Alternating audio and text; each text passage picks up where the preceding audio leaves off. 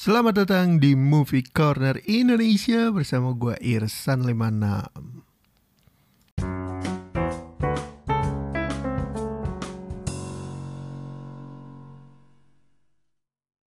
Yo, hari ke-18 dari 30 hari bersuara. Akhirnya kita sampai ke topik yang gua suka Yaitu makanan atau minuman Ngomongin makanan atau minuman, film makanan lah ya yang akan kita bahas kali ini Film rekomendasi tentang makanan gua pilih dua Pertama ada Ratatouille, kedua Chef Chef, Pardon my English. Oke, pertama kita akan bahas Ratatouille. Ratatouille ini adalah film animasi dari Pixar yang dirilis tahun 2007 dan didistribusikan oleh Walt Disney Pictures. Film ini menceritakan tentang seekor tikus bernama Remy yang punya mimpi untuk jadi chef atau juru masak di restoran Prancis. Namun keinginan tersebut sepertinya nggak mungkin terjadi ya karena seekor tikus yang mana jorok itu berbanding terbalik dengan kehigienisan tempat makan apalagi dapur restoran Prancis gitu. Suatu ketika terjadi hujan lebat hingga akhirnya Remy terbawa arus dari gorong-gorong sebuah desa hingga sampai di kota Paris. Nah, ketika dia sampai di kota Paris, dia sadar ternyata di atasnya dia itu ada restoran salah satu chef terkenal di Prancis yaitu Auguste Gusteau. Nah, si Remy ini waktu di desa itu sering nonton televisi yang menampilkan restorannya si Auguste Gusteau. Makanya ketika dia muncul di depan restoran August Gusto tuh kayak what a miracle gitu.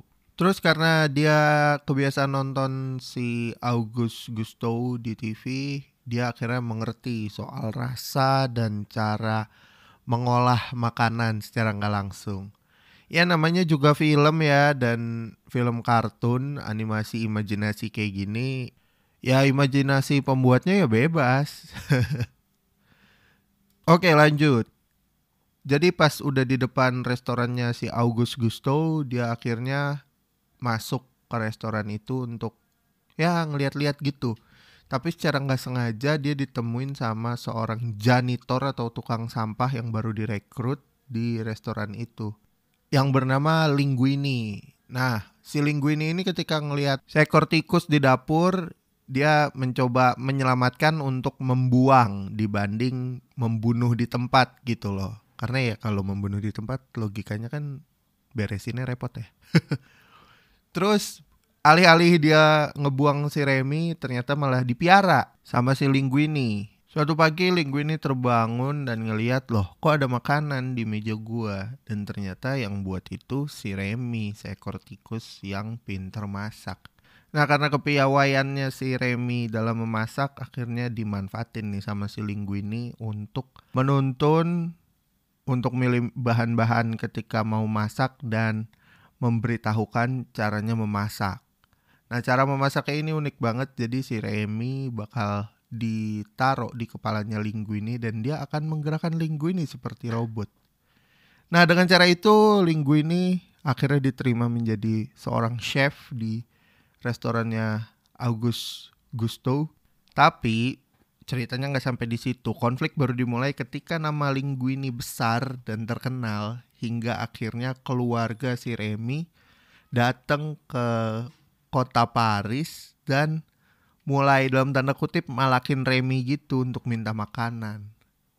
Nah, kayak apa petualangan Linguini dan Remy untuk menyelesaikan masalah? Dan apakah mereka akan berakhir jujur? Apakah Remy akhirnya bisa menjadi chef seperti yang ia impikan? Tonton aja Ratatouille di video on demand kesayangan kalian.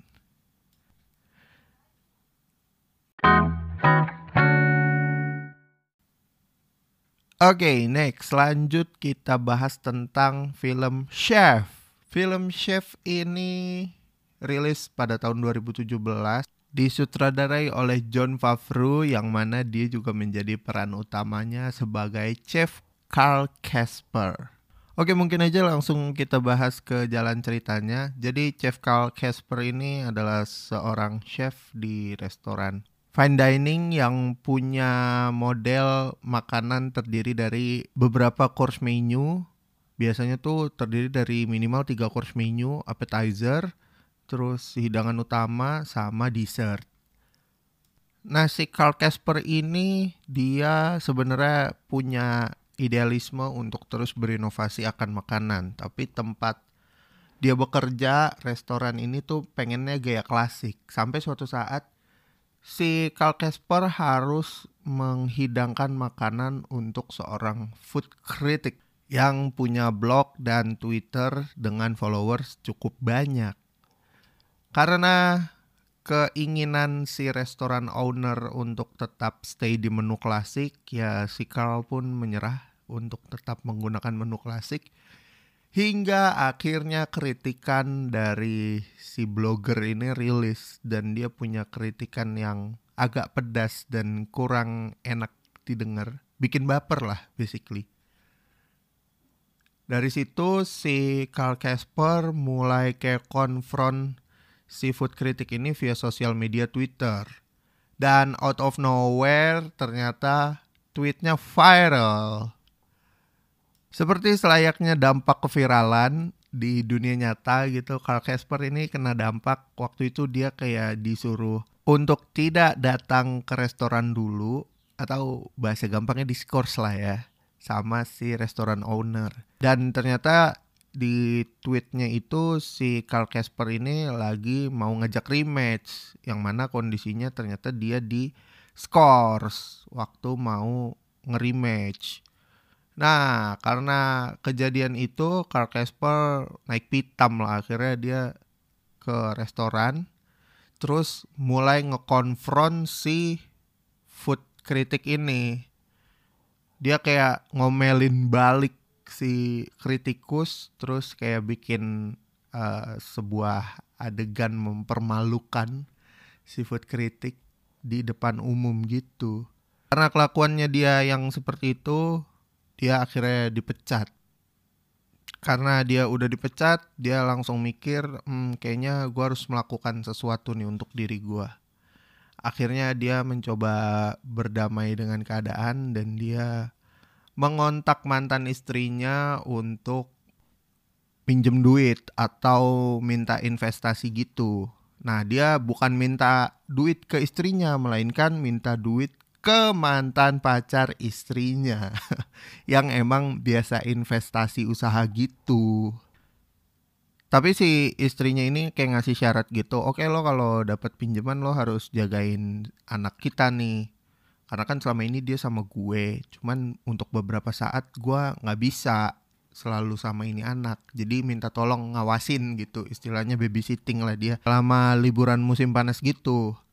Nah karena akhirnya disetujuin dan dia pun akhirnya dapat duit untuk ngebikin usahanya sendiri, dia punya ide untuk bikin food truck. Nah food trucknya dia ini jualan uh, semacam apa ya Cuban cuisine gitu, makanan-makanan Cuban. Cuman expertisnya di sandwich sama yuca fries. Nah, gue kurang tahu yuca fries itu kentang macam apa, pokoknya kentang Kuba lah. nah, dari situ dia mulai mempersiapkan uh, food trucknya, terus dia akhirnya ngontek temennya dia Martin yang jadi show chef di restoran lama. Terus dengan bantuan anaknya Carl Casper dan si Martin sebagai show chef, dia menjalankan usaha food truck tuh dan melakukan semacam road trip dari sisi paling timur hingga ke sisi paling barat negara Amerika Serikat. Dan kerennya adalah ternyata anaknya ini tuh jago sosial media. Dia sering nge-tweet nge-tweet terus bikin video-video Vine ya karena 2017 waktu itu masih kedengeran lah namanya Vine. Selama perjalanan itu banyak banget temuan-temuan makanan atau fusion-fusion makanan dari bahan-bahan lokal ke sandwich mereka. Terus sebenarnya ini bukan cuman film tentang makanan tapi film tentang bonding anak ke ayah dan ayah ke anak. Film keluarga lah. tapi jujur semua makanan yang ada di chef itu gue yakin bisa dibikin di rumah karena udah banyak banget tutorialnya di YouTube. Oh iya, gue lupa nyebutin nama-nama pemeran yang ada di film Chef. Nah, pemeran-pemeran yang ada di film Chef ini dimulai dari John Favreau yang mana dia juga penulisnya sebagai Carl Casper, terus ada Sofia Vergara sebagai Ines mantan istrinya Carl Casper, Terus ada John Leguizamo, ada Scarlett Johansson, ada Dustin Hoffman, ada Michael Pena sebagai Martin atau sous chef di truknya. Terus ada juga penampilan eksklusif atau cameo dari Robert Downey Jr. Sini lucu banget sih dan nggak hilang ya karakter Iron Man-nya dari Robert Downey di film ini. Gokil. Jadi buat teman-teman yang mau nonton Chef mungkin bisa langsung searching di video on demand kesayangan kalian. Yang ngebetein adalah Chef nggak muncul di Netflix Indonesia. Jadi tolonglah Netflix. Aduh, ini film-film bagus kayak gini, kenapa nggak dibeli sih license-nya buat tayang di Indonesia? Hah, sebel gua.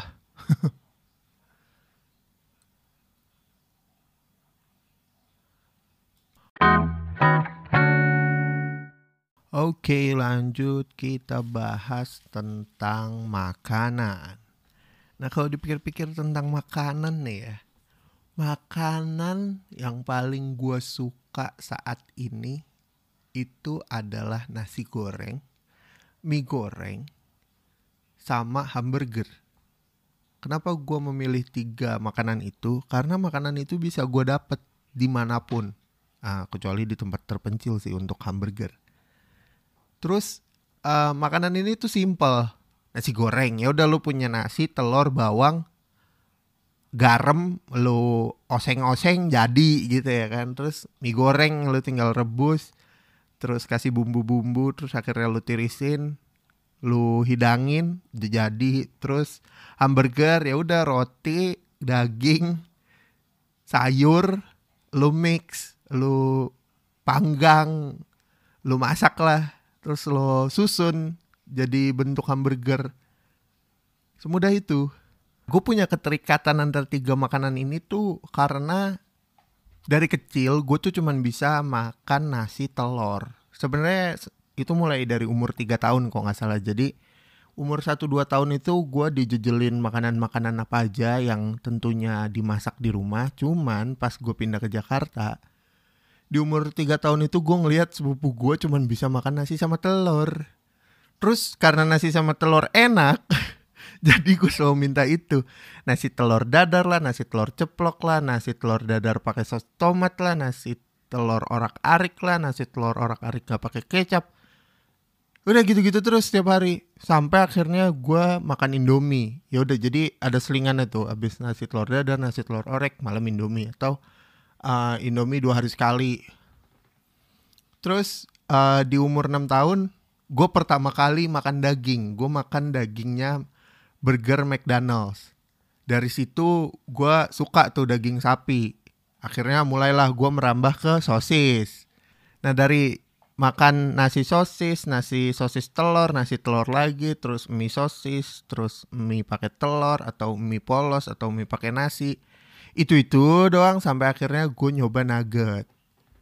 Akhirnya dari umur 7 tahun sampai gua SMA kelas 1 pilihan makanan gue itu cuman uh, eh, 5 nasi telur mie mie telur mie apa pun. Terus nasi sosis nugget sama kentang dan hamburger. Ya ada 6 berarti itu itu doang. Jadi kalau ke fast food gampang. Lo mau makan apa? Nasi ayam. Bisa, tapi gue makan nasi sama kulitnya doang. Terus kan McD ada panas spesial, jadi gue makan nasi kulit ayam sama telur. Atau kalau lagi bosan hamburger sama kentang. Terus kalau lagi camping lagi ke mana ya udah makannya nasi indomie atau indomie telur atau nasi telur yang simpel-simpel aja lah pokoknya udah gitu murah lagi ya kan itu makanan yang gue sebutin barusan adalah makanan yang tumbuh bersama gue hingga gue kelas 1 SMA pas di kelas 1 SMA baru pertama kalinya gue nyobain sayur kangkung. Dan waktu itu dikombinasi pakai telur dadar dan itu enak banget. Akhirnya setelah gue mulai makan nasi telur dan kangkung, besoknya almarhum bokap gue bikinin itu terus sampai satu minggu full. Jadi harus ada kangkung, telur, sosis atau nugget kayak gitu. Pilihan makan siang dan makan sore gue kalau udah di rumah. Setelah percobaan ke kangkung, gue mulai merambah ke udang, ke gurame. Meskipun gurame gue nggak bisa makan yang masih ada tulangnya ya. Jadi semua ikan-ikan itu gue harus file gitu. Makanya gue bersyukur banget sama yang ngebawa sushi ke Indonesia. Akhirnya gue bisa makan ikan tanpa takut ketulangan lah pokoknya. Walaupun mentah. Terus makanan yang gue suka lagi itu ada pizza. Entah kenapa gue ngerasa kayak pizza itu makanan yang ajaib gue rasa semua orang suka dengan pizza. Orang yang belum pernah nyoba pun sekalinya nyoba pizza itu pasti suka gitu. Ya asalkan dengan rasa klasik ya, bukan rasa-rasa fusion yang ajaib-ajaib itu. Terus kalau lagi ngomongin makanan, um, apalagi ya? Eh gue karena tumbuhnya dengan makanan yang itu-itu aja, sebenarnya agak pusing karena makanan yang itu-itu aja itu, adalah makanan favorit gue. Intinya kayak gitu. Nah, by the way, apa nih makanan kesukaan lo orang? Sharing lah. Bisa langsung ke DM Instagram gue ya di @irsan56. Oke, segitu aja lah untuk pembahasan makanan kali ini. Terima kasih buat yang udah dengerin sampai ke fase ini. Terus uh, jangan lupa untuk dengerin konten 30 hari bersuara dari podcaster-podcaster lainnya di hashtag 30 hari bersuara. Terus follow juga IG komunitas at thepodcasters.id untuk update tentang challenge hashtag 30 hari bersuara. Lo juga bisa DM gue di IG untuk ngasih rekomendasi film. Bisa cek ke at irsan56 atau lo mau ngobrol-ngobrol. Bisa juga ke DM itu karena gue lebih fast respon di IG. So, itu aja mungkin untuk bahasan kita di episode kali ini. Sampai ketemu di episode selanjutnya. Gue Irsan 56 pamit. Ciao.